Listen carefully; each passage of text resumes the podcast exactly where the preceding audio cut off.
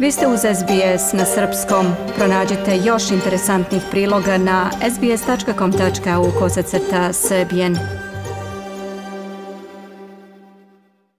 Uoči subotnjih saveznih izbora mnogi pokazatelji ukazuju na to da će se voditi veoma neizvesna trka za nadmoću u parlamentu između liberala, odnosno koalicije s jedne i laburista sa druge strane. Međutim, ne isključuje se ni mogućnost da ni jedna politička opcija neće imati većinu u predstavničkom domu.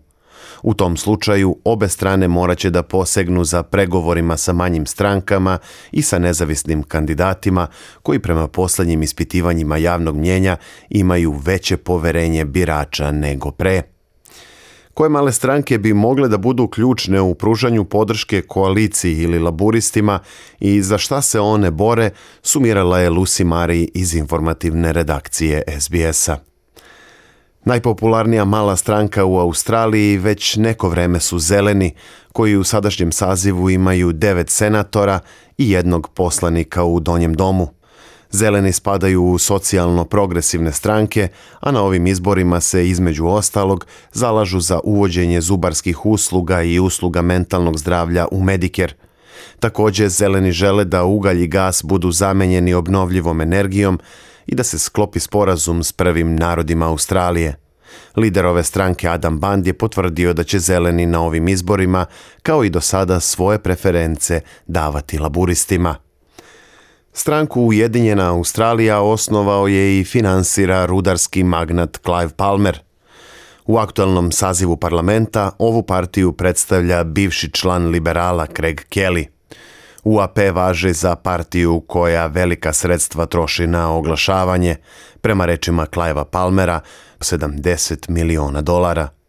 Program stranke zasniva se na platformi slobode – a politike za koje se zalaže Ujedinjena Australija između ostalog obuhvataju da nema obavezne vakcinacije protiv covid kao ni cenzure na društvenim mrežama. Također Ujedinjena Australija traži da se kamate na stambene kredite ograniče na maksimalno 3% u periodu od 5 godina. Kada je reč o preferencama, Ujedinjena Australija na listama za Senat ne podržava ni jednu vodeću partiju, a za predstavnički dom njihove preference su podeljene između liberala i laburista, mada u većini izbornih jedinica sa malom razlikom u glasovima daju prednost liberalima. To međutim nije slučaj u sedištu Dixon u Queenslandu, koje trenutno drži ministar odbrane Peter Dutton. Još jedna od manjih partija koja ima svoje predstavnike u parlamentu je Jedna nacija.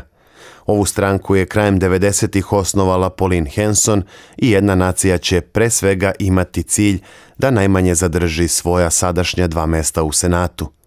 Ova stranka također ima izraženu platformu protiv obavezne vakcinacije, Također zalažu se za smanjenje prihvata izbjeglica u narednih pet godina, a traže i povlačenje Australije iz Parijskog sporazuma o klimatskim promjenama iz 2016. Jedna nacija se također protivi najvećim partijama i na izborima će dati prednost manjim strankama, ali sa izuzetkom zelenih koje će u preferencama staviti na poslednje mesto. Sve detalje o programima i preferencama stranaka možete pronaći na njihovim zvaničnim internet stranicama. Vi slušate SBS radio. Ja sam Branko Cvetojević. Ostanite uz program na srpskom. Želite da čujete još priča poput ove?